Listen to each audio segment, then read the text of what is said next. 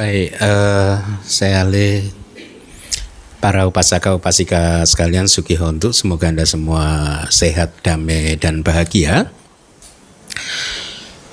Pagi hari ini kita akan melanjutkan pembahasan Sutta Maha Catari Saka Sutta kelas yang keempat ya. Eh, kita rencanakan kelas hari ini adalah kelas yang terakhir untuk Sutta tersebut karena minggu depan juga kebetulan juga memang harus sel, memang selesai pada minggu ini sudah direncanakan. Kemudian minggu depan adalah apa e, perayaan Waisak. Kita akan membahas suta yang sangat terkenal tentu yang berkaitan dengan Waisak yaitu Dhamma Cakak Pawatana Suta. Saya yakin Anda belum pernah melihat mendengar mempelajari Dhamma Cakak Pawatana Suta ber, ber, sesuai dengan penjelasan yang ada di kitab komentar dan komentar yang lain saya rasa Sarata Dibani kemarin sudah saya terjemahkan. Jadi uh, ya uh, berbahagia sekali. Mungkin uh, saya akan kembali mengulang. Beberapa hari ini saya menyampaikan satu poin yang sudah saya ulang terus hampir setiap hari. Karena ingin meyakinkan memastikan bahwa Anda semua berada dalam keadaan uh, damai, hidup nyaman dan bahagia, ya. Jadi beberapa waktu yang lalu bahkan juga hari ini saya sampaikan bahwa di dalam kehidupan ini, ya, jangan pernah berpikir bahwa untuk bisa menjalani kehidupan ini dengan enak, nyaman, sukses itu hanya dengan bekerja keras. Ya, karena kadang seseorang tidak mempunyai pandangan yang benar, tidak mempunyai pengetahuan pariyati yang benar, yang cukup, tidak mengerti bahwa samsara ini adalah kelahiran yang berulang-ulang, sehingga ada saja yang mempunyai pandangan yang salah bahwa kalau ingin kaya raya, ingin hidup nyaman, sukses, ya harus bekerja keras. Tetapi pernahkah Anda merenung bahwa tidak semua orang yang bekerja keras adalah orang yang sukses, kaya raya, bisnisnya berkembang? Tidak kan? Banyak orang yang bekerja keras tapi bisnisnya juga nggak berkembang terus. Jadi teori bahwa kekayaan, kenyamanan hidup hanya bisa dicapai dengan kerja keras sudah gugur. Atau sebaliknya juga ada contoh yang lain, yaitu ada seseorang yang sejak lahir sampai meninggal dunia nggak pernah kerja keras tapi kaya raya terus. Hmm? Jadi apa? Hidupnya nyaman terus, bahkan bisa ketemu dengan ajaran Buddha yang benar juga begitu. Lalu apa yang membedakan? Makanya saya selalu menyampaikan bahwa bekerja keras tidak salah, tetapi melakukan kebajikan tidak boleh ditinggal. Ya, melakukan kebajikan, melatih dana, sila, bawana, menyempurnakan semua parami itu tidak boleh ditinggalkan karena itulah sesungguhnya yang menjadi sumber dari semua keberhasilan. Ya, tidak bekerja keras lalu Ya, jadi oleh karena itu saya akan tidak segan-segan untuk terus mengulang pesan-pesan ini kepada Anda semua. Mumpung Anda sudah lahir sebagai manusia yang sangat sulit untuk didapatkan ini, jangan lupa untuk terus memupuk parami Anda, ya, melakukan kebajikan-kebajikan Anda, meningkatkan karir di dalam kelahiran Anda kali ini dengan pengetahuan pariyati dan juga praktek pati-pati untuk kemudian menembus menjadi makhluk suci, ya, melalui penembusan empat kebenaran mulia atau yang juga dikenal sebagai Pati Weda. Baik, itu yang ingin saya sampaikan di awal. Mari kita lanjutkan kelas kita. Saya ingin membaca eh, PIC untuk membaca terlebih dahulu sedikit lagi. Perbuatan sehubungan dengan hal tersebut, wahai para biku, pandangan benar adalah yang terdahulu.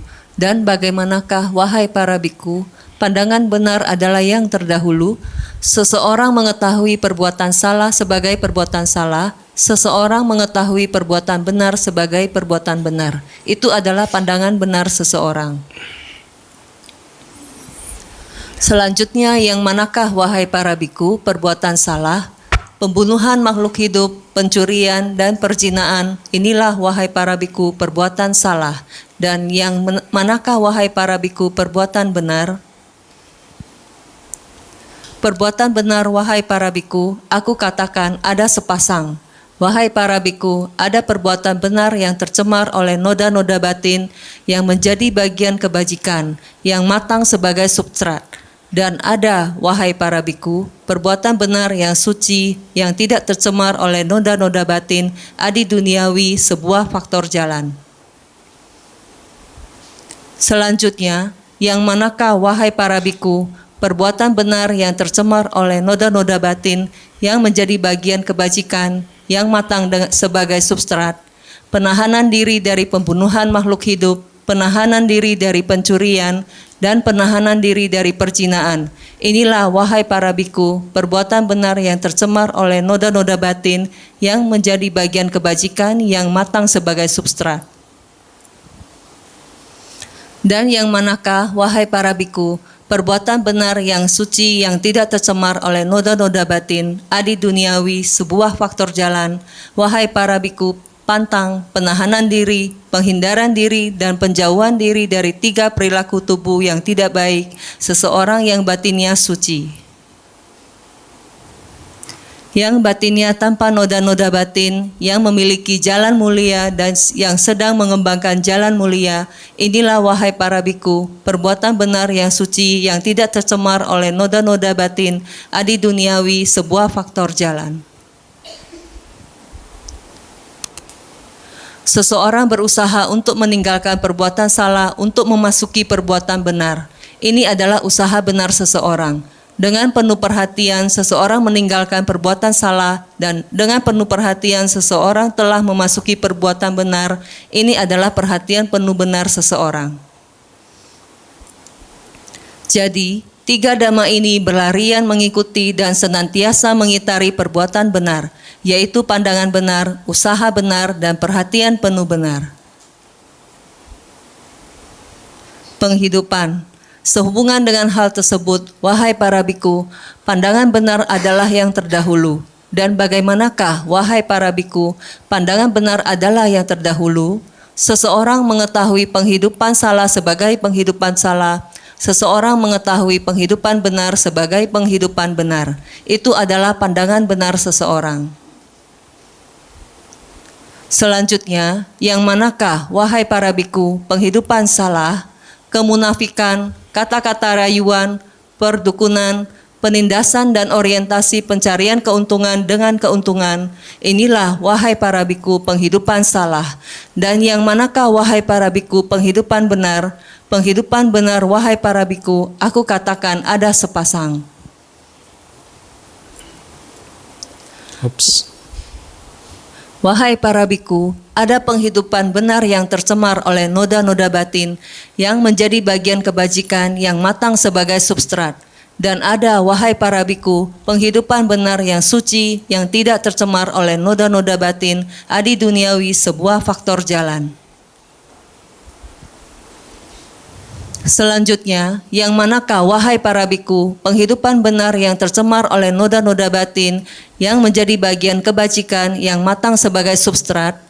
Di sini, wahai para biku, seorang murid suci meninggalkan penghidupan salah dan menjalani kehidupannya dengan penghidupan benar. Inilah, wahai para biku, penghidupan benar yang tercemar oleh noda-noda batin yang menjadi bagian kebajikan yang matang sebagai substrat.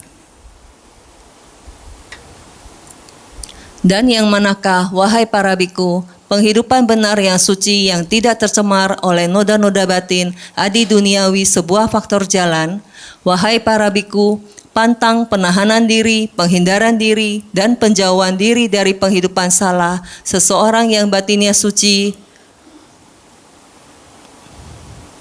batinnya tanpa noda-noda batin yang memiliki jalan mulia dan yang sedang mengembangkan jalan mulia. Inilah wahai para biku, penghidupan benar yang suci, yang tidak tercemar oleh noda-noda batin, adi duniawi sebuah faktor jalan. Seseorang berusaha untuk meninggalkan penghidupan salah untuk memasuki penghidupan benar. Ini adalah usaha benar seseorang. Dengan penuh perhatian, seseorang meninggalkan penghidupan salah. Dengan perhatian, penuh perhatian, seseorang telah memasuki penghidupan benar Ini adalah perhatian penuh benar seseorang. Jadi, tiga dhamma ini berlarian mengikuti dan senantiasa mengitari penghidupan benar, yaitu pandangan benar, usaha benar, dan perhatian penuh benar. 40 besar. Sehubungan dengan hal tersebut, wahai para biku, pandangan benar adalah yang terdahulu. Dan bagaimanakah, wahai para biku, pandangan benar adalah yang terdahulu?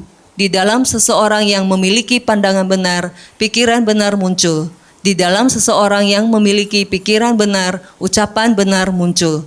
Di dalam seseorang yang memiliki ucapan benar, perbuatan benar muncul. Ya, break sebentar. Anda perhatikan, jadi diawali dengan pandangan benar yang harus kita miliki ya, kita usahakan supaya muncul di arus batin kita karena dari pandangan benar maka pikiran benar muncul. Dari pikiran benar kemudian ucapan benar muncul dan demikian pula seterusnya nanti ya. Di dalam seseorang yang memiliki perbuatan benar, penghidupan benar muncul. Di dalam seseorang yang memiliki penghidupan benar, usaha benar muncul. Di dalam seseorang yang memiliki usaha benar, perhatian penuh benar muncul. Di dalam seseorang yang memiliki perhatian penuh benar, konsentrasi benar muncul. Di dalam seseorang yang memiliki konsentrasi benar, pengetahuan benar muncul. Di dalam seseorang yang memiliki pengetahuan benar, pembebasan benar muncul. Jadi, wahai para biku, seseorang yang masih harus berlatih lagi memiliki delapan faktor. Seseorang arahat memiliki sepuluh faktor. Inilah yang saya maksudkan di kelas yang pertama dulu bahwa selama ini mungkin Anda hanya mengenal jalan mulia berunsur delapan dan sekarang dijelaskan bahwa e, mereka yang seka, seka itu yang masih harus berlatih lagi, yaitu merujuk kepada seorang sotapana, sekadagami dan anagami, dia memang memiliki jalan mulia berunsur delapan, tapi seorang arahat memiliki sepuluh faktor. Delapan jalan mulia ditambah dengan pengetahuan benar dan pembebasan benar. Sehubungan dengan hal tersebut, wahai para biku, pandangan benar adalah yang terdahulu, dan bagaimanakah, wahai para biku, pandangan benar adalah yang terdahulu? Di dalam seseorang yang memiliki pandangan benar, pandangan salah berhenti. Dan beraneka dama-dama tidak baik yang jahat yang muncul dari pandangan salah sebagai kondisi juga berhenti. Beraneka dama-dama baik yang muncul dari pandangan benar sebagai kondisi tiba pada pemenuhan melalui pengembangan di dalam seseorang yang memiliki pikiran benar, pikiran salah, pikiran salah berhenti, dan beraneka dama-dama tidak baik yang jahat yang muncul dari pikiran salah sebagai kondisi juga berhenti. Beraneka dama-dama baik yang muncul dari pikiran benar sebagai kondisi tiba pada pemenuhan melalui pengembangan di dalam seseorang yang memiliki ucapan benar, ucapan salah juga berhenti, dan seterusnya. Di dalam seseorang yang memiliki perbuatan benar, perbuatan salah juga berhenti, dan seterusnya. Di dalam seseorang yang memiliki pandangan penghidupan benar, penghidupan salah juga berhenti, dan seterusnya.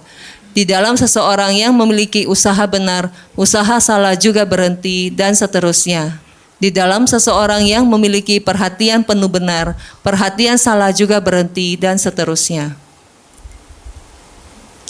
Di dalam seseorang yang memiliki konsentrasi benar, juga konsentrasi salah berhenti, dan seterusnya.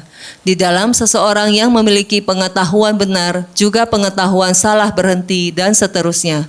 Di dalam seseorang yang memiliki pembebasan benar, juga pembebasan salah berhenti. Beraneka dama-dama baik yang muncul dari pembebasan benar sebagai kondisi tiba pada pemenuhan melalui pengembangan.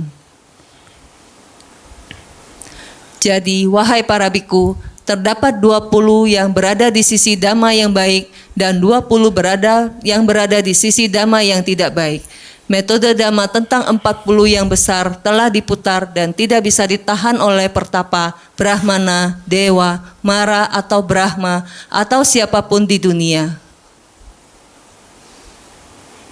Wahai para biku, siapa pun pertapa atau brahmana yang berpikir bahwa metode Dhamma 40 yang besar ini harus dikecam dan ditolak, maka terdapat 10 jenis orang yang memiliki teorinya sendiri yang akan tiba pada kondisi yang rendah di sini dan sekarang.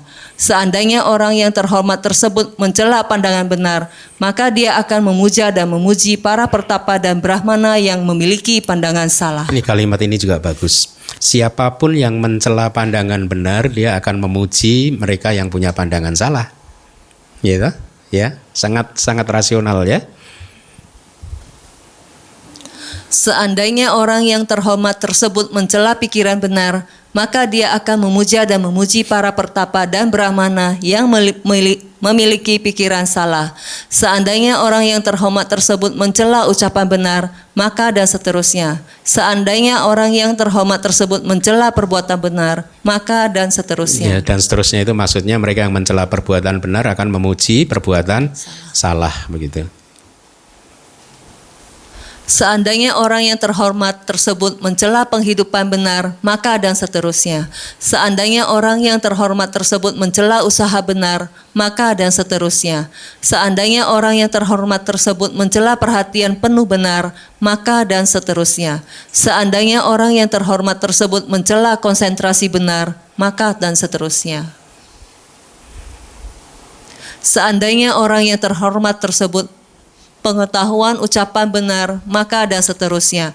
Seandainya orang yang terhormat tersebut mencela pembebasan benar, maka dan seterusnya. Wahai para biku, siapa pun pertapa atau brahmana yang berpikir bahwa metode dhamma 40 yang besar ini harus dikecam dan ditolak, maka terdapat 10 jenis orang yang memiliki teorinya sendiri yang akan tiba pada kondisi yang rendah di sini dan sekarang.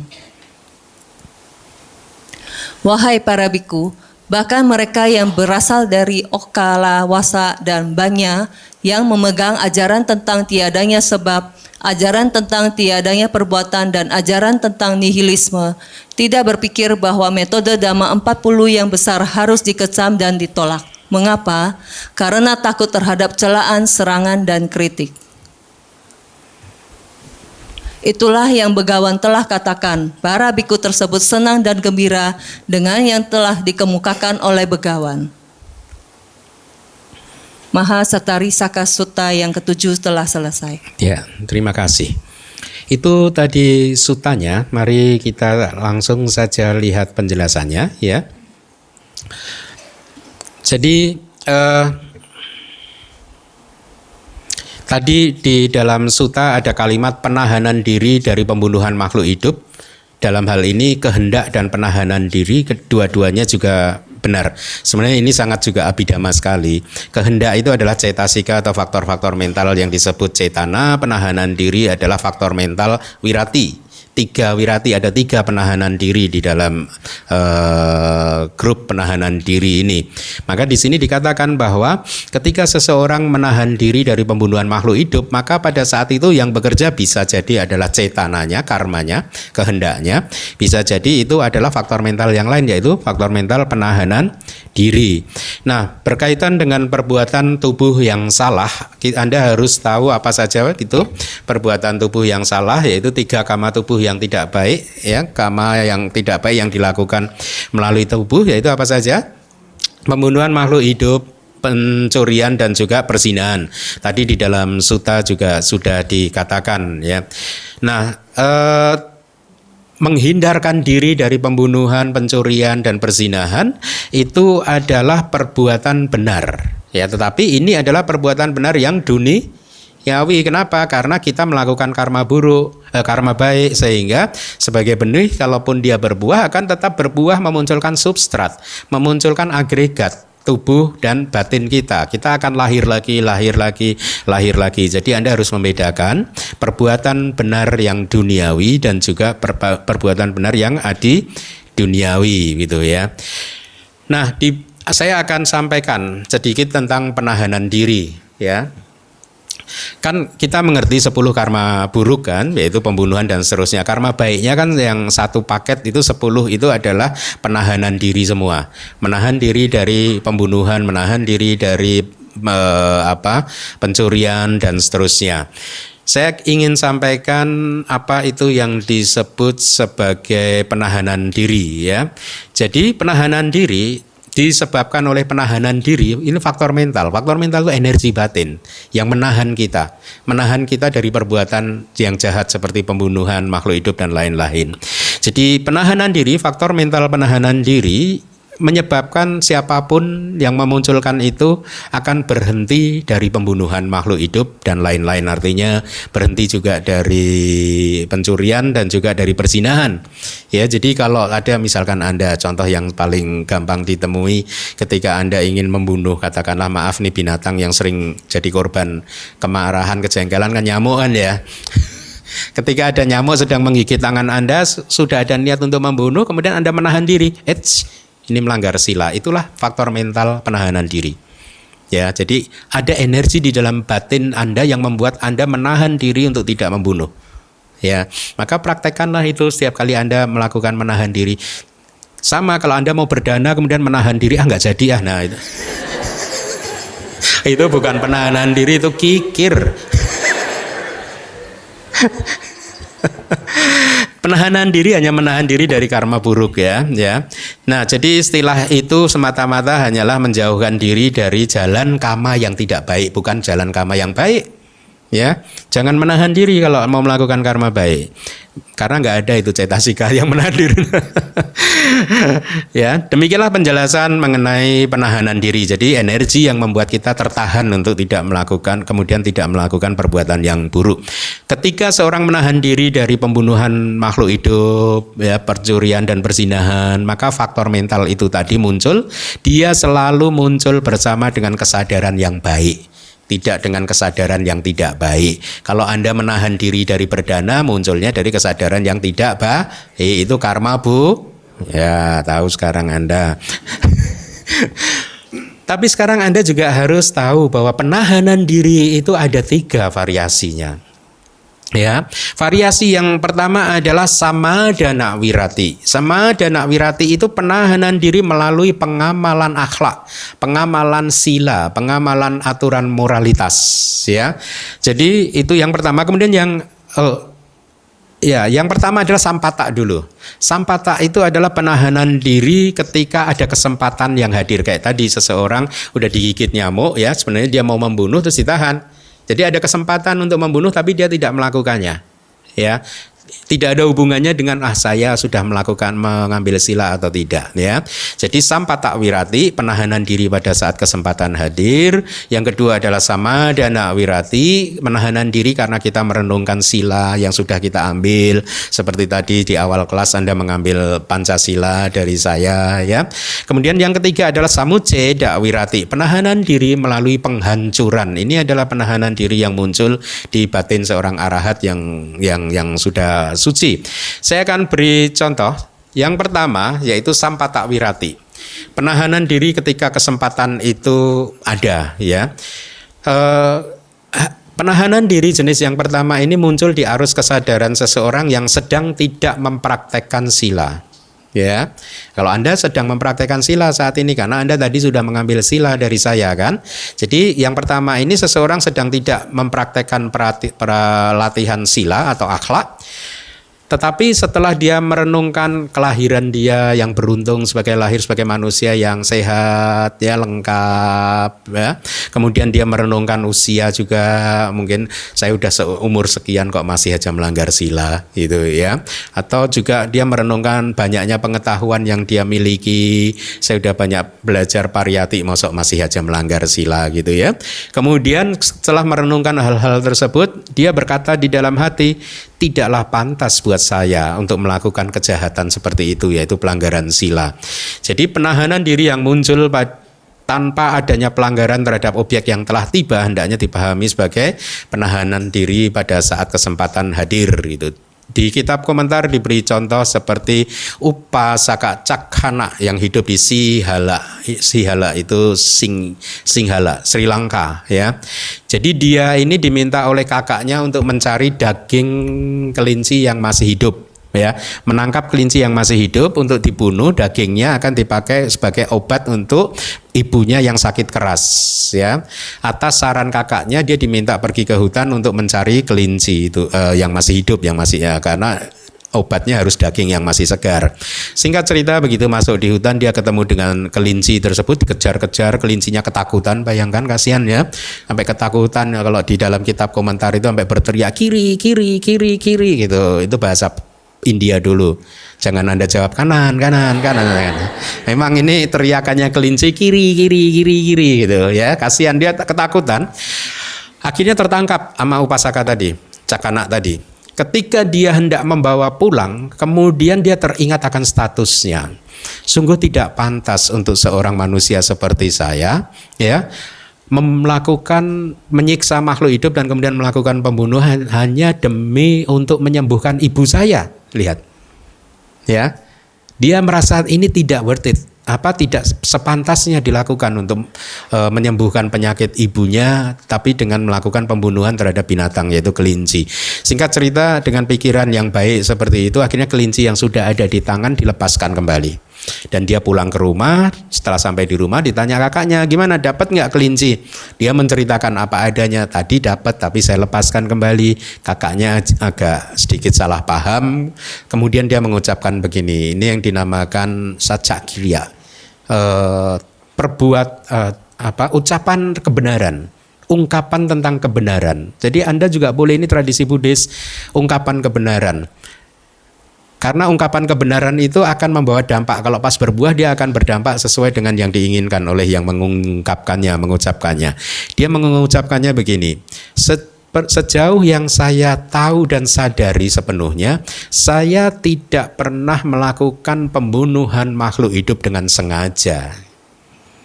Gitu ya. Biasanya terus akan diteruskan kalau Anda ingin melakukan ungkapan semoga dengan ungkapan kebenaran ini misalkan si A sembuh, si B e, bisnisnya sukses gitu. Ungkapkan dan harapkan yang baik bukan sejauh ini semoga dengan ungkapan kebenaran ini si A kesambar beledek itu enggak atau enggak beledek? Petir petir. Enggak itu ungkapan yang buruk enggak boleh. Jadi tetap ungkapannya adalah yang baik itu adalah yang pertama. Kemudian jadi singkat cerita ibunya sehat kembali karena ungkapan kebenaran itu tadi nggak perlu diobati dengan kelinci. Ya happy ending story. Kemudian yang kedua tadi adalah penahanan diri pada saat seseorang mengambil sila seperti anda tadi ya. Jadi ketika anda sudah mengambil peraturan latihan sila ya eh, kemudian kalau di dalam teks itu diceritakan eh, apa begini ketika telah mengambil peraturan latihan sila ya tanpa adanya pelanggaran terhadap objek setelah merelakan bahkan nyawanya sendiri hendaknya dipahami sebagai penahanan diri melalui pengamalan akhlak. Jadi bahkan orang tersebut rela untuk ditukar dengan nyawanya, kira-kira begitu. Setelah uh, seperti cerita tentang seorang upasaka yang tinggal di Gunung Uttara Wadda mana gitu ya. Diceritakan bahwa setelah mengambil peraturan latihan atau sila di hadapan Pinggala Buddha Rakita Tera yang tinggal di Wihara Ambarya ya. Seorang upasaka bercocok tanam di ladang. Singkat cerita kemudian sapinya hilang. Dia mencari sapinya hingga mendaki ke gunung Utara Wadamana ya. Di sana seekor ular yang besar membelitnya. Itu di cerita singkatnya begitu. Dia dibelit oleh uh, ular yang sangat besar ya. Kemudian dia mengambil parangnya, kapaknya. Dia sebenarnya bisa membunuh ular tersebut, tetapi dia merenungkan, tidak pantas buat saya sebagai seseorang yang baru saja mengambil sila dari sangga dari bante, kemudian sebentar kemudian melakukan pembunuhan atau melanggarnya gitu. Bahkan kemudian dikatakan nyawa saya relakan, tetapi saya tidak akan membiarkan sila saya pecah patah. Jadi akhirnya dia tidak jadi membunuh ular yang membelitnya begitu. Itu adalah contoh tentang e, penahanan diri karena pengambilan sila. Yang ketiga, penahanan diri melalui kehancuran adalah sebagai berikut. Ya, penahanan diri ini berasosiasi artinya muncul bersama dengan maga cita, muncul bersama dengan kesadaran jalan atau kesadaran pencerahan. Jadi hendaknya dipahami sebagai yang seperti ini dipahami sebagai penahanan diri melalui kehancuran. Kenapa? Karena sejak kemunculan jalan, sesungguhnya pada saat kesadaran jalan itu muncul, maka semua kecenderungan untuk melakukan pikiran, kecenderungan untuk melakukan pembunuhan, pencurian, dan perzinahan hancur. Sehingga setelah lenyapnya kesadaran jalan tersebut, kecenderungan itu nggak ada, pikiran itu nggak ada, bahkan bermimpi untuk membunuh, mencuri, berzina tidak ada ya karena batinnya udah bebas dari itu semua gitu. Jadi bahkan di teks itu dikatakan pikiran saya akan membunuh makhluk hidup muncul aja tidak gitu ya. E, demikianlah kondisi e, batin yang sudah e, bersih dari kilesa ya. Itu tadi adalah tiga jenis penahanan diri yang diuraikan di dalam kitab komentar. Mari kita lanjutkan lagi. Tadi di syair ke 140 di sutanya ada kalimat seperti ini. Sehubungan dengan hal tersebut, wahai para biku, pandangan benar adalah yang terdahulu dan bagaimanakah wahai para biku, pandangan benar adalah yang terdahulu? Seseorang mengetahui penghidupan salah sebagai penghidupan salah, seseorang mengetahui penghidupan benar sebagai penghidupan benar, itu adalah pandangan benar seseorang. Selanjutnya yang manakah wahai para biku yang disebut sebagai pandangan penghidupan salah? Jawabannya adalah kemunafikan dan seterusnya ya. Nah, di kitab komentar di slide Anda bisa baca di dalam kalimat yang diawali dengan kemunafikan artinya berarti kemunafikan kata-kata rayuan, perdukunan, penindasan dan orientasi pencarian keuntungan dengan keuntungan itu harus dihindari oleh seorang biku, oleh seorang pabacita ya. Karena itu adalah penghidupan yang tidak benar, penghidupan yang salah ya. Maka lihatlah seorang pabacita tidak boleh melakukan ini kemunafikan dan yang akan nanti kita uraikan di slide-slide berikutnya.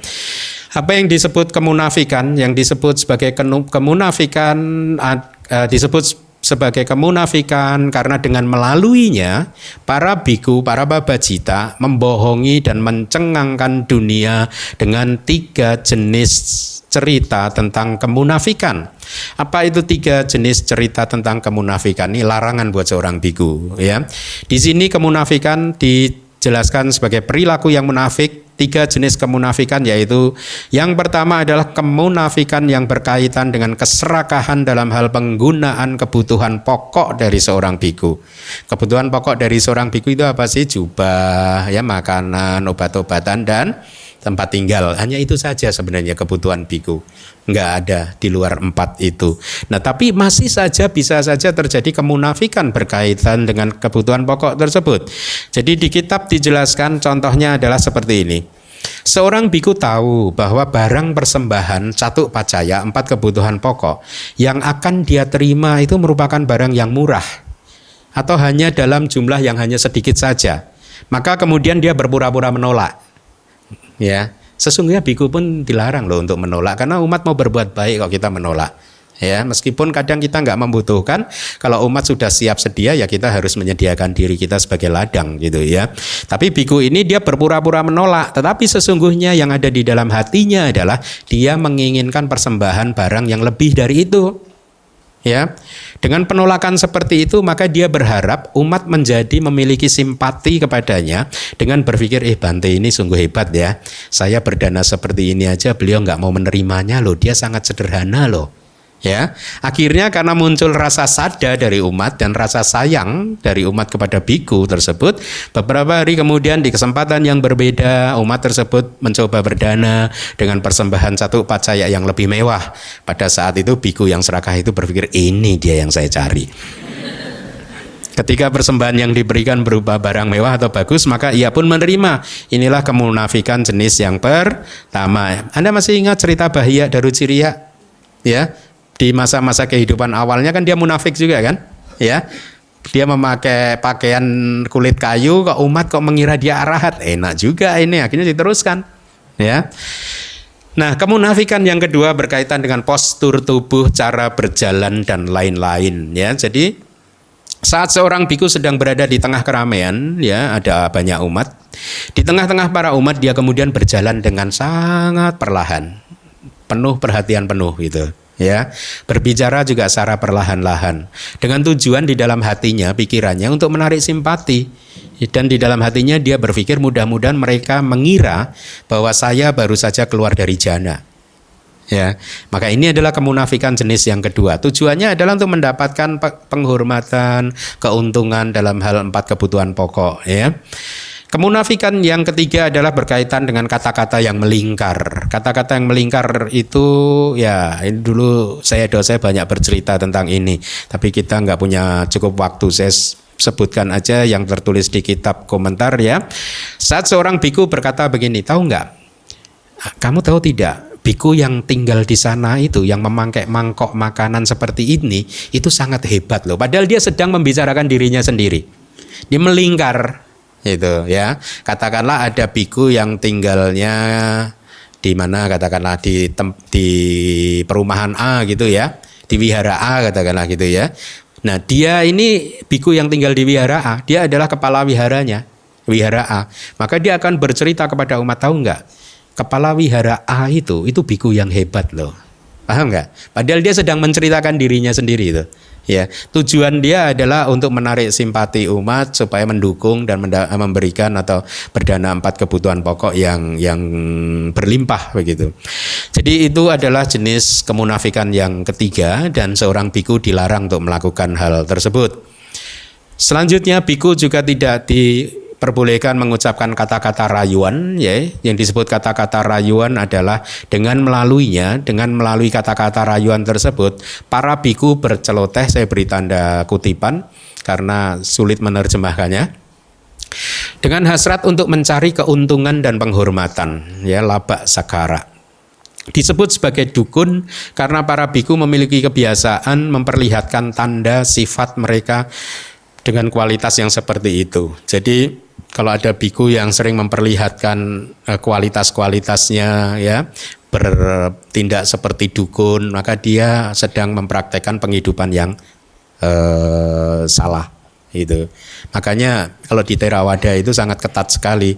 Anda akan sangat sulit untuk bisa mengetahui seorang biku ini benar-benar mempunyai kelebihan atau tidak. Dalam artian mungkin kalau dalam konteks yang ke, dipahami ini perdukunan sebagai dukun atau tidak. Karena biasanya karena ada winaya yang mengaturnya. Seorang biku akan mengendalikan dirinya sendiri sehingga tidak ada orang yang akan tahu. Memang tidak boleh diperlihatkan kepada mereka yang uh, tidak ditahbiskan gitu. Nah uh, perdukunan ya. Uh, ini juga penghidupan yang salah jadi mencari empat kebutuhan pokok melalui perdukunan itu termasuk meramal ya. Termasuk kalau anda punya rumah anda panggil panggil saya Bante tolong nih uh, kursi tamunya lebih bagus di mana ya? Gitu. Ya saya akan siap kursi tamu diletakkan di atas lantai yang paling bagus. Karena kalau di atas meja jadi susah juga untuk ini sudutnya kan pokoknya di atas lantai lah tepat gitu. Jangan juga mengha, apa persis di tengah pintu jangan. Jadi nanti nggak bisa keluar masuk malah. Repot amat sih. Mari kita lanjutkan. Terus ada lagi ini disebut sebagai penindas ya ini pesika. Ini ini terjemahan ini untung saya saya ada sejarahnya ini. Tadinya saya mau mengikuti terjemahan Palitext Society. Karena kamus bahasa Pali ke bahasa Inggris yang paling lengkap sejauh yang saya tahu adalah kamus yang dikeluarkan oleh Palitext Society dari London, Inggris. Ya, pusatnya di London. Itu setahu saya paling lengkap, ya. PTS singkatannya PTS dia menerjemahkan ini sebagai uh, apa penindasan ini sebagai uh, jugglery, trickery, kayak sulapan, sulap. Dan di bukunya Biku Body juga diterjemahkan jadi semacam itu, mengikuti PTS. Tapi untung saja saya membuka kamus Myanmar, ternyata tidak itu artinya. Artinya malah penindasan. Seperti yang saya cantumkan ini. Pada waktunya, pada waktu itu saya ragu apakah benar ini penindasan. Kok kontradiksi? E, kok kayaknya nggak masuk akal. Biku Body menyebutkannya sebagai trickery, jugglery gitu ya, e, sulapan gitu ya. Tapi kemudian ketika membuka kitab sub komentarnya, saya baru confirm bahwa ini memang harus penindasan, bukan sulapan. Maka inilah, maka agak repotnya kalau anda mengikuti kitab terjemahan tetapi tidak mempunyai kemampuan untuk melacak sendiri anda akan terima mentah-mentah apa pun, bahkan itu dari uh, lembaga yang punya otoritas sekalipun gitu. Ya, maka di, di sini salah satu penghidupan salah seorang biku adalah penindasan. Disebut sebagai penindas orangnya karena orang-orang tersebut memiliki kebiasaan sebagai orang yang merusak atau perusak. Keadaan seperti itu, kualitas seperti itu dinamakan sebagai penindasan ya nanti akan dijelaskan di kitab komentarnya. Disebut sebagai pencarian keuntungan dengan keuntungan adalah karena hal tersebut mereka mengakui sisi berjalan dan mencari keuntungan dengan keuntungan. Keadaan mereka disebut sebagai orientasi pencarian keuntungan dengan keuntungan.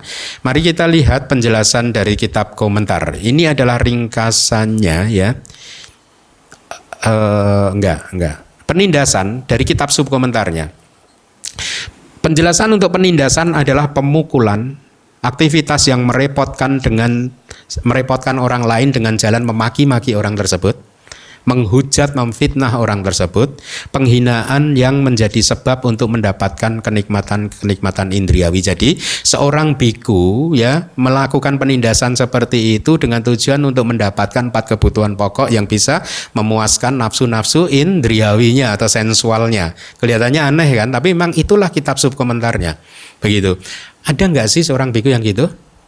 Hah? Yang menindas umatnya berkata-kata kasar, kalau ketemu yang gitu tinggal aja deh. Harusnya nggak boleh kan? Jadi di sini disebutkan, jadi bahkan pemukulan loh, merepotkan dengan jalan memaki-maki dan seterusnya gitu, ya. Uh, ini adalah penghidupan yang salah. Ini mungkin semacam memaksa umat untuk mendukung seorang biku untuk uh, memenuhi kebutuhan pokoknya ya, mungkin semacam itu. Kemudian orientasi pencarian keuntungan dengan keuntungan penjelasannya adalah seorang biku memberikan kepada orang lain apa yang telah diperoleh dari sini, memberikan kepada orang lain apa yang telah diperoleh dari sana. Jadi misalkan gini, biku A menerima persembahan dari umat di kota A diterima, akhirnya diberikan kepada orang lain di tempat yang lain dengan harapan ada imbal balik yang lebih. Bisa jadi karena pertimbangan dia tidak menyukai barang yang dipersembahkan umat untuk mendapatkan umat kebutuhan atau keuntungan yang lain ya. Jadi dia diberikan kepada orang lain. Atau dia menerima persembahan dari kota B tempat B kemudian setelah diterima diberikan kepada yang lain juga ya hanya untuk mendapatkan apa penghidupan buat mendukung kehidupan dia. Maka ini pun adalah penghidupan yang tidak benar gitu ya penghidupan yang salah. Dengan cara itu seorang biku mencari keuntungan dengan keuntungan ya. Berharap dengan melakukan itu dia mendapatkan keuntungan yang lebih itu maksudnya. Mari kita Lanjutkan, meninggalkan penghidupan yang salah itu penjelasannya adalah di sini tidak hanya penghidupan salah yang telah ada di Pali akan tetapi juga tujuh kehendak di jalan kama yang diawali dengan pembunuhan makhluk hidup yang telah kukuh sebagai alasan untuk penghidupan juga disebut penghidupan salah. Jadi begini, kalau ini seorang biku ya Harusnya ini juga berkaitan dengan umat kalau sudah tujuh karma yang buruk. Penghidupan salah di sini adalah mempunyai e, mata pencaharian, ya, penghidupan itu kan kayak semacam mata pencaharian yang e, berkaitan atau mela, berkaitan dengan perilaku tujuh karma buruk yang pertama, yaitu pembunuhan makhluk hidup, pencurian dan seterusnya ya jadi 10 karma buruk ini tujuh yang pertama. Tujuh yang pertama itu apa saja sih? Tiga karma tubuh yang buruk yang tidak baik dan juga empat karma ucapan yang tidak baik. Ya jadi itu juga penghidupan yang salah Penahanan diri yang telah muncul memenuhi faktor jalan yang melakukan pemotongan sebab dan pencabutan tujuh kehendak itu sendiri dinamakan sebagai penghidupan benar. Ini tadi sudah saya jelaskan ya. Jadi eh, kehendak dan atau juga eh, penahanan diri. Mari kita lanjutkan. Di suta paragraf yang 141 tadi di sutanya ada kalimat Sehubungan dengan hal tersebut, wahai para biku, pandangan benar adalah yang terdahulu. Dan bagaimanakah, wahai para biku, pandangan benar adalah yang terdahulu? Di dalam seorang yang memiliki pandangan benar, pikiran benar muncul. Di dalam seorang yang memiliki pikiran benar, ucapan benar muncul dan seterusnya, kan ya? Di dalam seorang yang memiliki perbuatan benar dan seterusnya sampai 10 faktor kan? Jadi kalau Sotapana Sakadagami dan Anagami hanya memiliki delapan faktor, Arahat hanya memiliki uh, Arahat memiliki 10 faktor. Penjelasannya begini, di dalam seseorang yang memiliki pandangan benar, artinya di dalam individu yang kukuh di pandangan benar di dalam jalan, artinya apa? Kesadaran jalan atau maga cita muncul di arus rangkaian kesadaran orang tersebut. Ya makanya anda kalau uh, sering mengikuti tradisi Myanmar para bante biasanya juga akan membimbing anda setelah melakukan kebajikan idang me punyang ya. Uh, maga palaknya nasa nibanasa pacayo hotu. Semoga kebajikan anda itu menjadi kondisi untuk pencapaian pengetahuan jalan dan pengetahuan buah. Itu artinya apa? Pengetahuan yang muncul di kesadaran jalan dan pengetahuan yang muncul di kesadaran bu buah ya. Kesadaran jalan dan kesadaran buah itu muncul hanya sekejap saja ya. Satu per satu triliun katakanlah detik begitu. Sekejap saja tetapi dalam waktu yang sekejap itu dia telah meng, berhasil melakukan banyak tugas untuk menghancurkan kilesa-kilesa. Nah, sekarang Anda tahu bahwa seseorang yang memiliki pandangan benar itu adalah seseorang yang kukuh di dalam jalan. Ketika kesadaran jalan itu muncul, maka dia dikatakan sebagai seseorang yang memiliki pandangan benar. Jadi tidak yang lain ya hanya mereka yang sedang berada di dalam kemunculan kesadaran jalan itulah yang disebut sebagai seseorang yang memiliki pandangan benar makna di dalam semua kalimat hendaknya dipahami demikian Pikiran benar muncul juga begitu. Artinya pikiran benar yang muncul di dalam kesadaran jalan atau maga. Ya. Juga di dalam individu yang kukuh di pandangan benar di dalam buah. Jadi pikiran benar di dalam buah muncul. Jadi pikiran benar yang muncul di jalan ya. Itu juga di sana ada pikiran benar yang muncul di jalan. Ketika buah muncul juga ada pikiran benar yang muncul di kesadaran buah itu yang dimaksud. Saya mungkin di kelas yang kedua ya sudah menyampaikan tentang proses kemunculan maga dan pala kan ya. Sudah ya. Jadi penjelasannya di dalam slide di layar ada kalimat kukuh di pandangan benar itu artinya kemunculan magacita kesadaran jalan. Kitab subkomentar memberi penjelasan begini. Pandangan benar adalah pandangan yang mengarah pada keadaan yang baik. Apa itu keadaan yang baik? Berkurangnya jumlah kelahiran hingga sampai akhirnya hancurnya kelahiran. Sehingga setelah kematiannya sudah tidak ada lagi kelahiran lagi dia akan merealisasi nibbana itu keadaan yang baik, yang indah dan yang terpuji, ya. Selanjutnya oleh karena pandangan benar adalah penopang untuk penembusan kebenaran, ya, pencerahan dan untuk pencapaian nibbana, maka uh, di dalam suta dikatakan di dalam individu yang kukuh di pandangan benar di dalam jalan. Jadi pandangan benar ini mempunyai kemampuan yang sangat uh, hebat, yaitu apa? Uh, menjadi penopang untuk penembusan kebenaran dan juga untuk pencapaian nibbana ya. Jadi sekali lagi pahamilah suta ini dengan baik untuk memahami apa itu pandangan benar dan seterusnya sehingga kemudian Anda bisa dengan tepat mempraktekkannya dalam kehidupan sehari-hari dan juga nanti dalam praktek meditasi Anda. Selanjutnya, di dalam seseorang yang memiliki pengetahuan benar, pembebasan benar muncul ini langsung ke terakhirnya ya. Di faktor yang ke-9 dan ke-10 ini dari faktor jalan. Selanjutnya di sini artinya adalah bahwa di dalam seseorang yang kukuh dikonsentrasi benar di dalam jalan. Artinya apa? Ini adalah faktor mental eka gata yang kemarin saya beri perumpamaan seperti tepung yang diberi air itu, ya. Faktor mental kemanunggalan atau faktor mental konsentrasi benar yang muncul di kesadaran jalan, ya. Pengetahuan benar yang menelaah uh, jalan uh, maksudnya begini nih, kita baca lagi. Jadi konsentrasi benar di dalam di dalam seorang yang kukuh dikonsentrasi benar di dalam jalan, maka pengetahuan benar yang menelaah jalan muncul gitu. Di dalam individu yang kukuh dikonsentrasi benar di dalam buah, maka pengetahuan benar yang menelaah buah muncul. Ada pengetahuan yang menelaah penelaahan bahasa palingnya pacawekana gitu ya. Jadi begini penjelasannya. Di dalam uh, individu yang kukuh di pengetahuan benar yang menelaah jalan, Pembebasan benar di dalam jalan muncul. Di dalam individu yang kukuh di pengetahuan benar yang menelaah buah, pembebasan benar di dalam buah muncul. Dan di sini setelah menyisihkan delapan faktor buah, dibenarkan untuk mengatakan bahwa pengetahuan benar sebagai penelaahan atau pacawekanat dan juga mengetahu, e, mengatakan pengetah, pembebasan benar itu sebagai buah atau pala cita. Eh, begini penjelasannya. Pengetahuan benar itu tidak lain dan tidak bukan adalah pengetahuan tentang penelaahan. Dalam konteks seorang arahat, penelaahan ini adalah melihat kembali, menelaah kembali untuk memastikan uh, memastikan bahwa semua kilesa sudah dihancurkan. Itu yang disebut penelaahan di sini. Jadi memastikan bahwa sudah tidak ada lagi kilesa yang tersisa. Sehingga dia bisa mengatakan katang karaniang dan what should be done. Sudah tidak ada lagi yang harus dikerjakan. Itu yang dimaksud dengan menelaah di sini. Pengetahuan benar tersebut kukuh di dalam samadhi ya yang ada di dalam jalan, kesadaran jalan. Oleh karena itulah maka atha kata telah mengatakan kalimat yang diawali dengan di dalam seseorang yang kukuh di konsentrasi benar di dalam jalan, maka pengetahuan benar yang menelaah jalan muncul.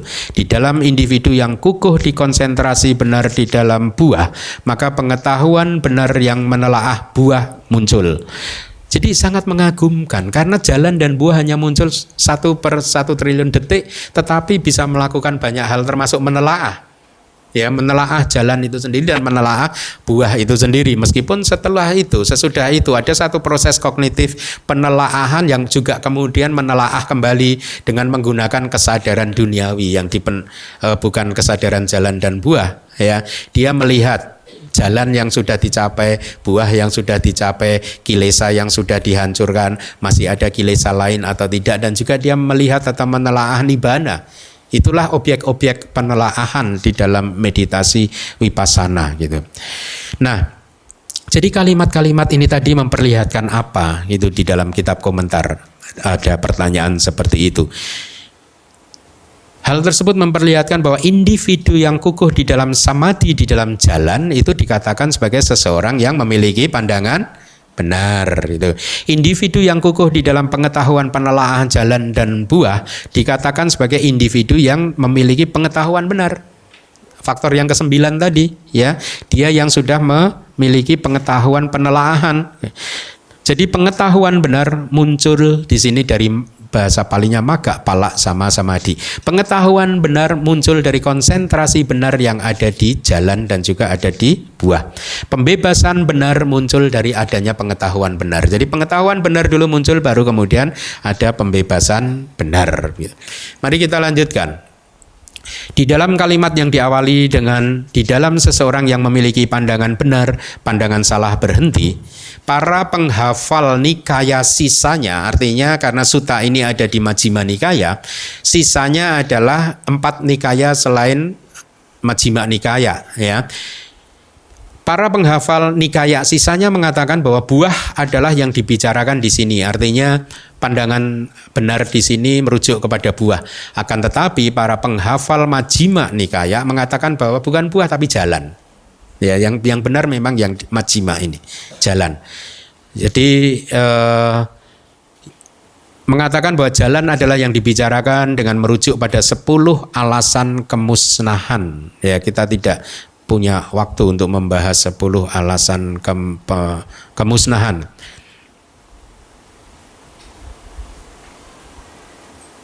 Ya, mari kita lanjutkan.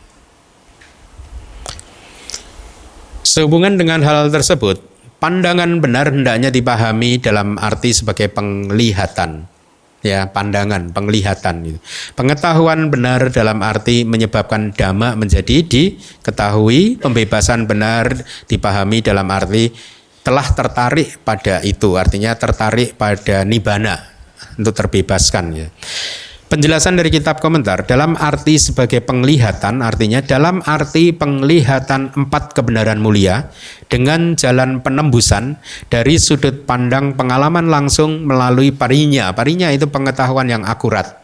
Saya Utara udah berceramah tentang parinya di YouTube Damawihari ya. Dalam arti menyebabkan dhamma menjadi diketahui artinya dalam artian membuat jalan dan buah terlihat jelas sesuai dengan yang ditekatkan melalui pengalaman langsung.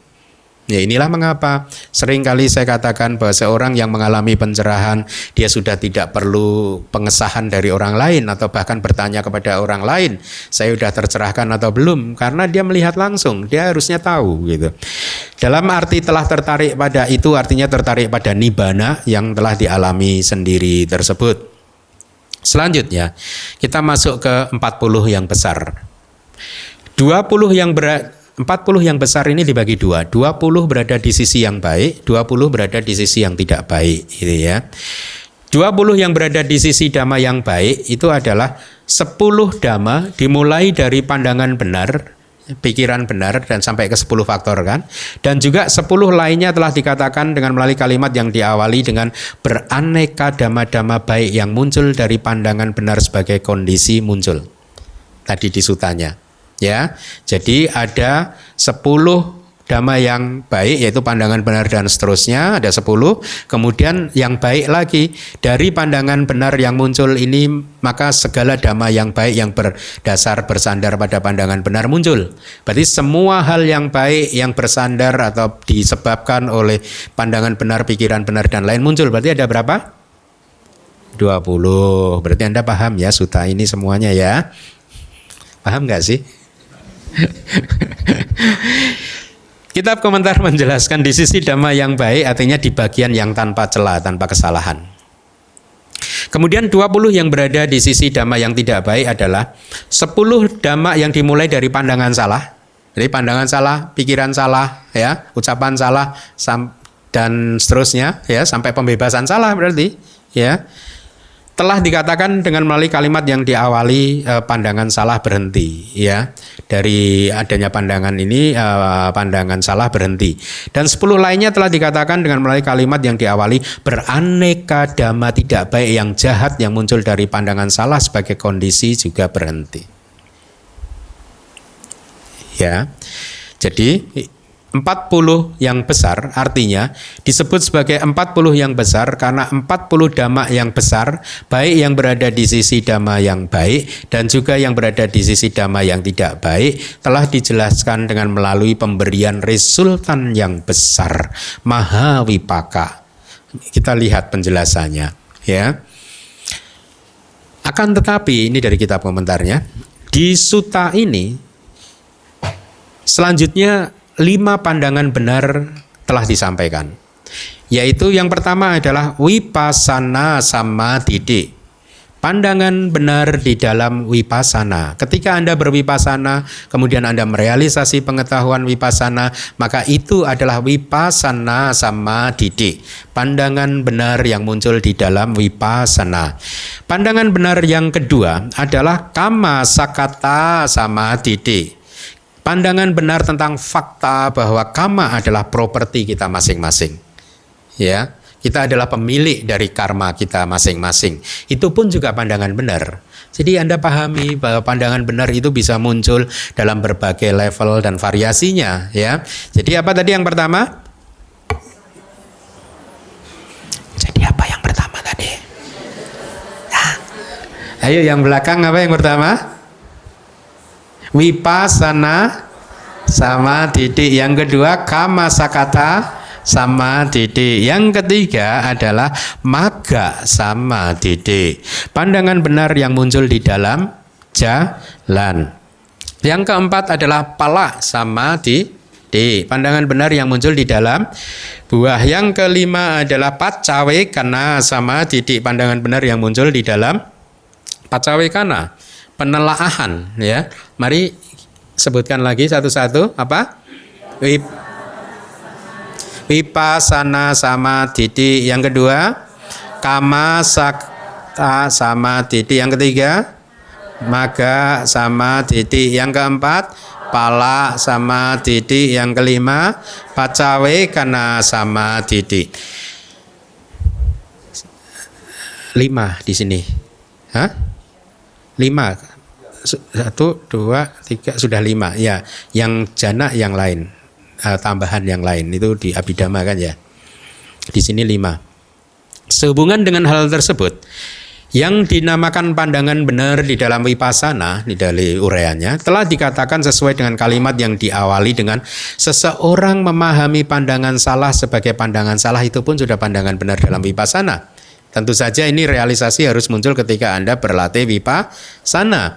Yang dinamakan pandangan benar tentang fakta bahwa karma adalah properti masing-masing, kita adalah pemilik dari karma kita sendiri, itu bahasa yang sering kali Anda hafal kan begitu kan ya.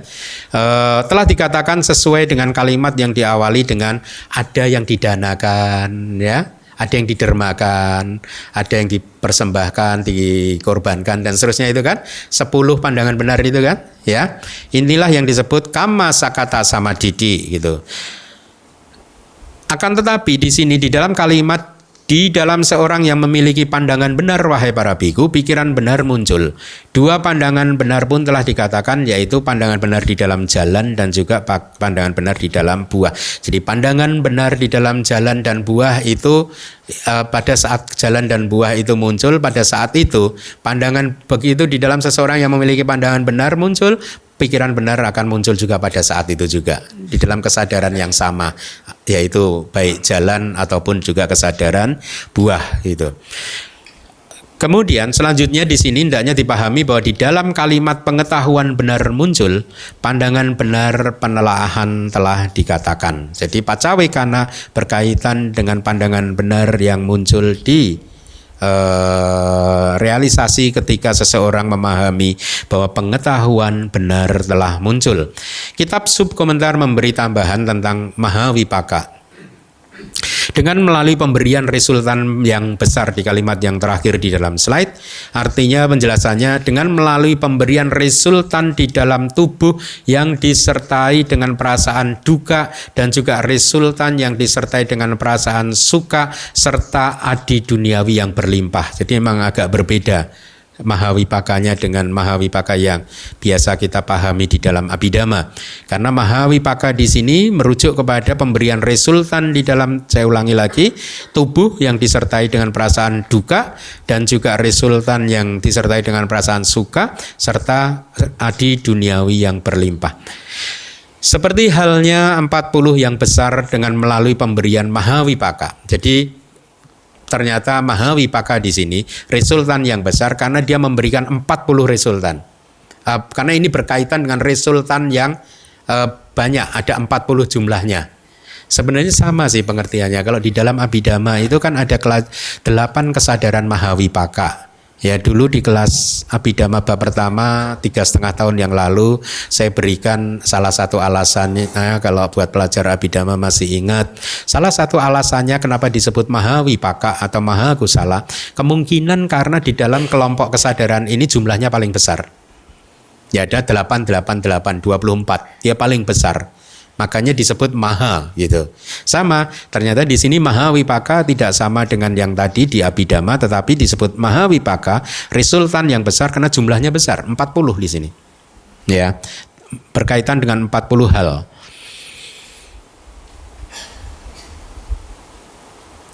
Demikian pula untuk memperlihatkan bahwa yang dengan memiliki 40 yang besar melalui keadaannya yang berlimpah, maka kalimat yang diawali akan tetapi di suta ini lima pandangan benar telah disampaikan, yaitu pandangan benar di dalam wipasana, kemudian kama sakata sama didi, ya pandangan benar di dalam jalan dan buah serta e, penelaahan.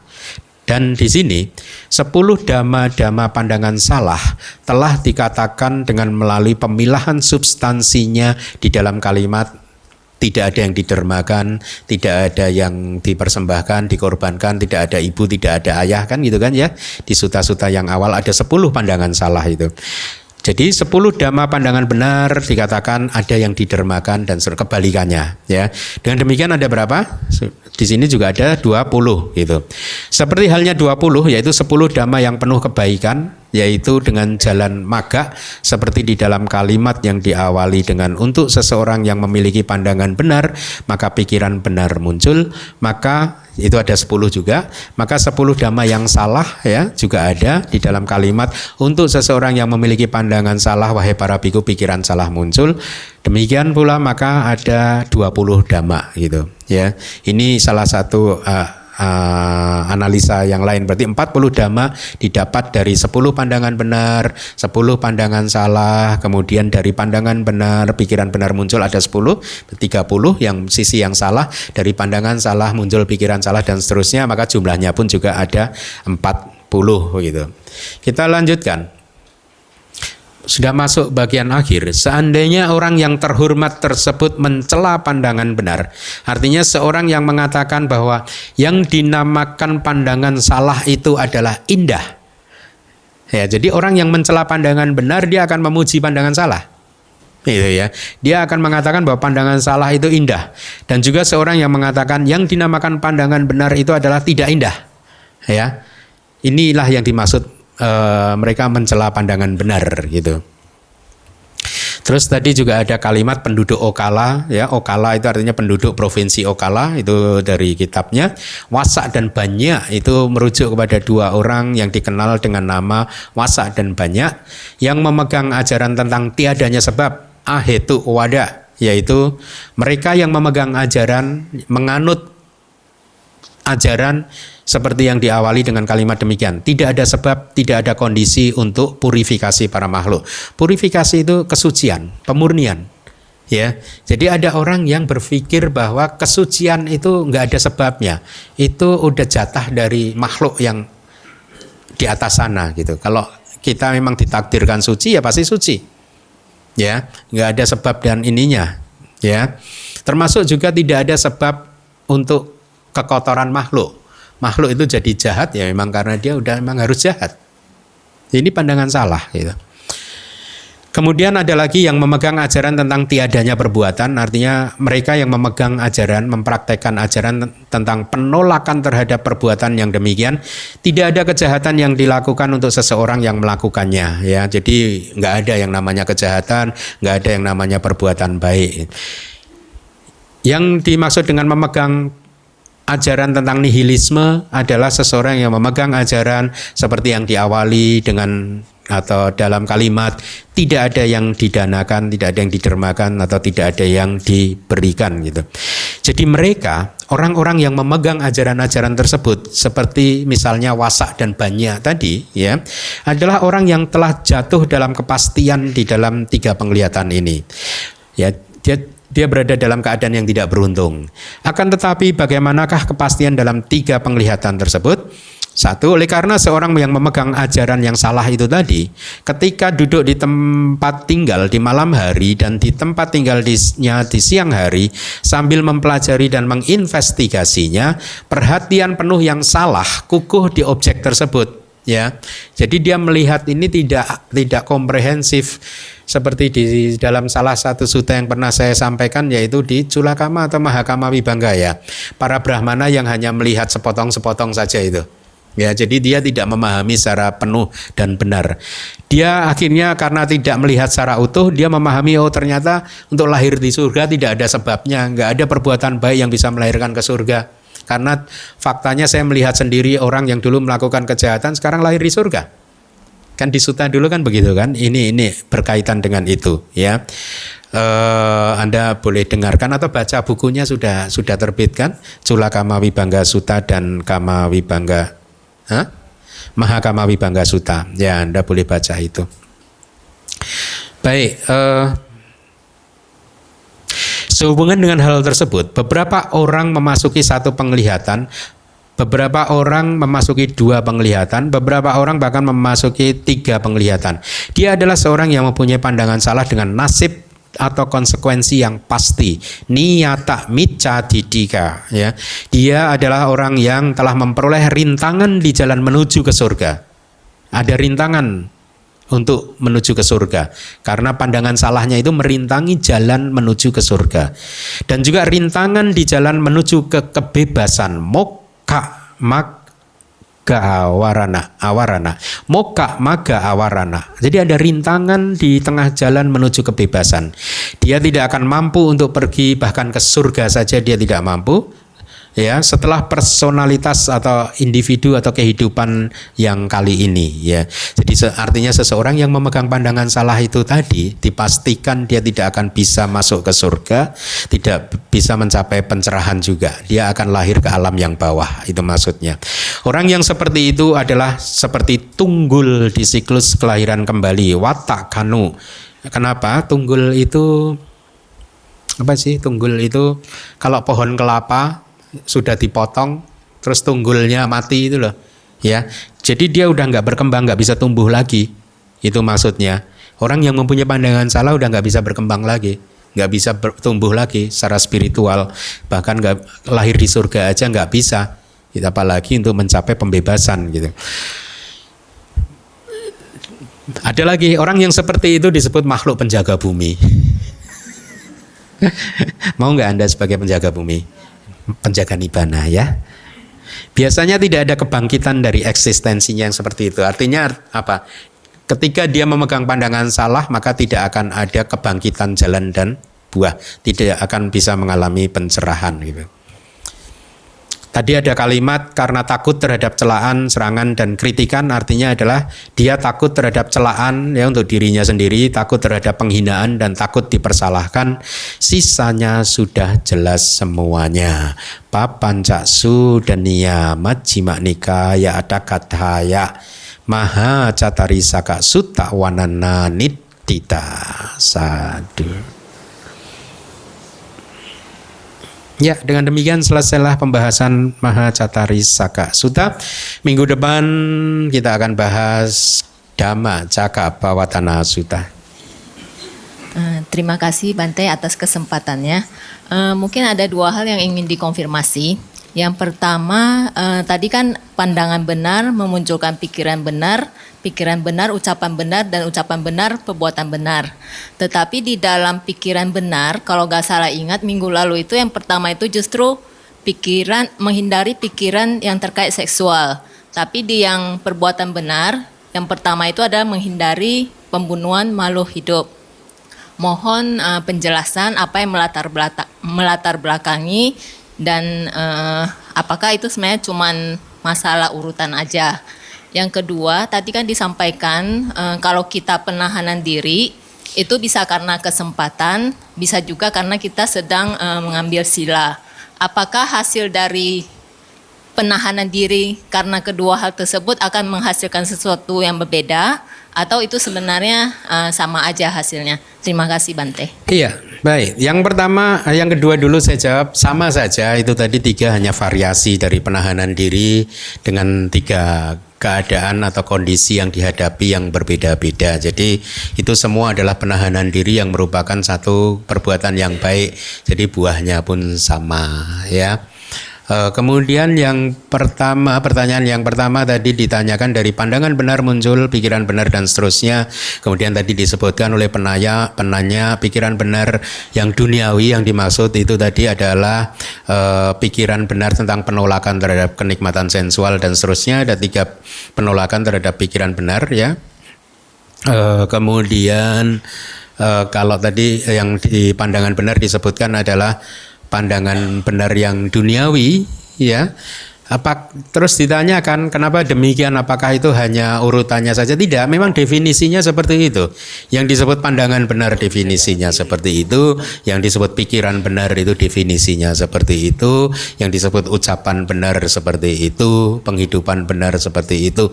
Jadi itu semua hanyalah penjelasan atau definisinya ibu bukan urutan atau apa-apa. Makanya bagus sekali untuk bisa memahami teori tersebut ya.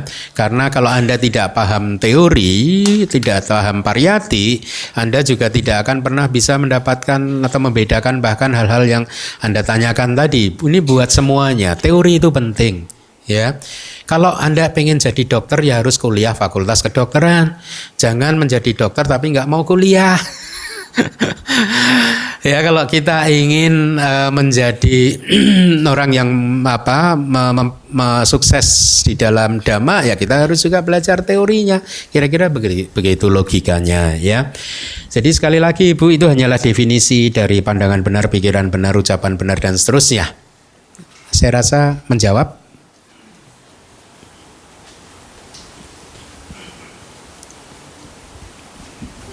terima kasih Bante. Uh, kalau urutan yang terkait pandangan benar dan seterusnya itu sudah uh, dipahami.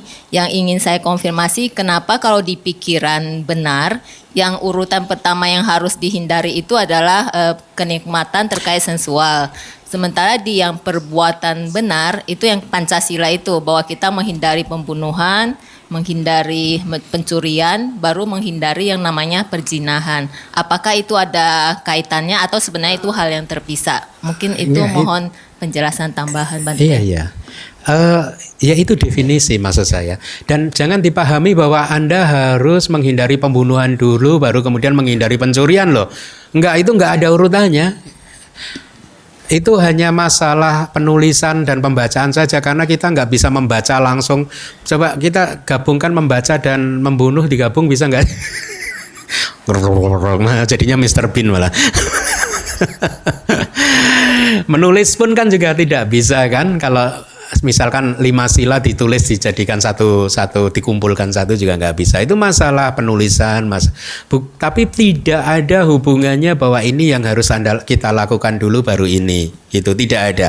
Tetapi ketika ada pernyataan dari pandangan benar muncul maka pikiran benar muncul. Pikiran benar muncul maka ucapan benar muncul dan seterusnya. Itu proses uh, psikologisnya seperti itu. Ya tetapi kalau masalah menahan diri dari pembunuhan kemudian menahan diri dari pencurian itu bukan sesuatu yang harus dikerjakan berurutan.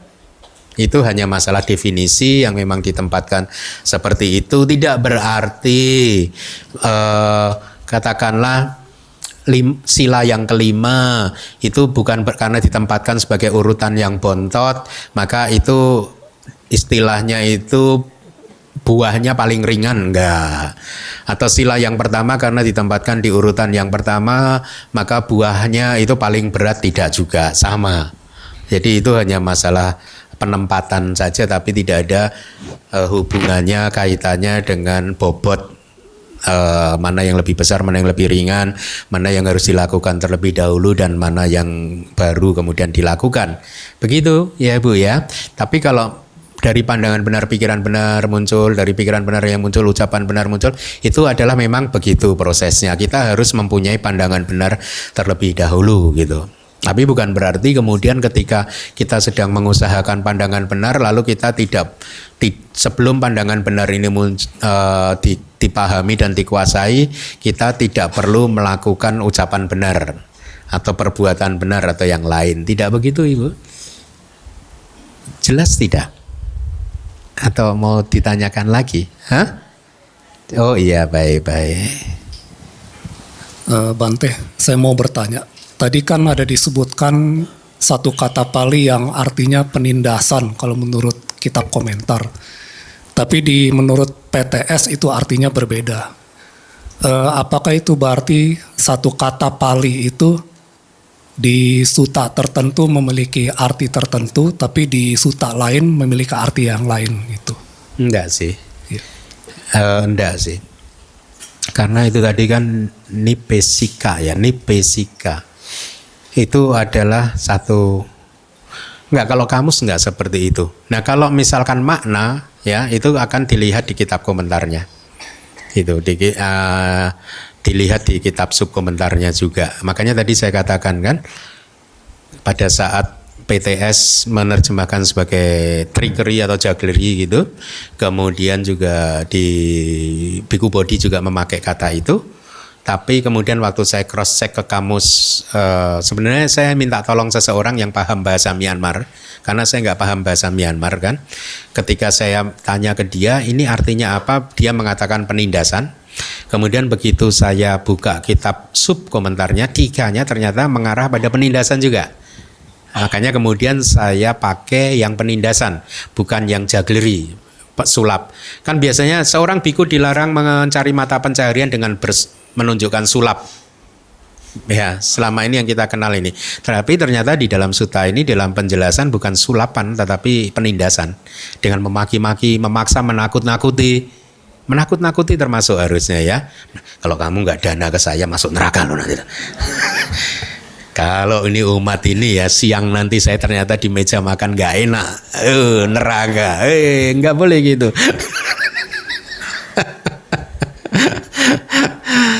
Jadi eh, apakah satu kata di suta yang berbeda bermakna yang berbeda? Enggak. Harusnya satu kata itu definis eh, itu kayak kamus.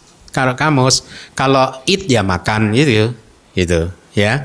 Tetapi memang arti makan di satu suta dan makan di suta yang lain akan ditentukan oleh kitab komentar dan sub komentarnya. Begitu bisa berbeda. Kayak tadi Aling mengatakan, loh pandangan benar kan ada enam, yang satu pandangan benar yang ada di dalam jana. Nah ini karena konteksnya abidama ada enam ditambah satu jana. Kalau di suta ini ternyata hanya disebutkan lima tanpa yang jana. Karena ini berkaitan dengan wipasana sih. Proses untuk ini sih, udah jana itu kan prasyarat wipasana gitu. Gitu. Jadi begitu.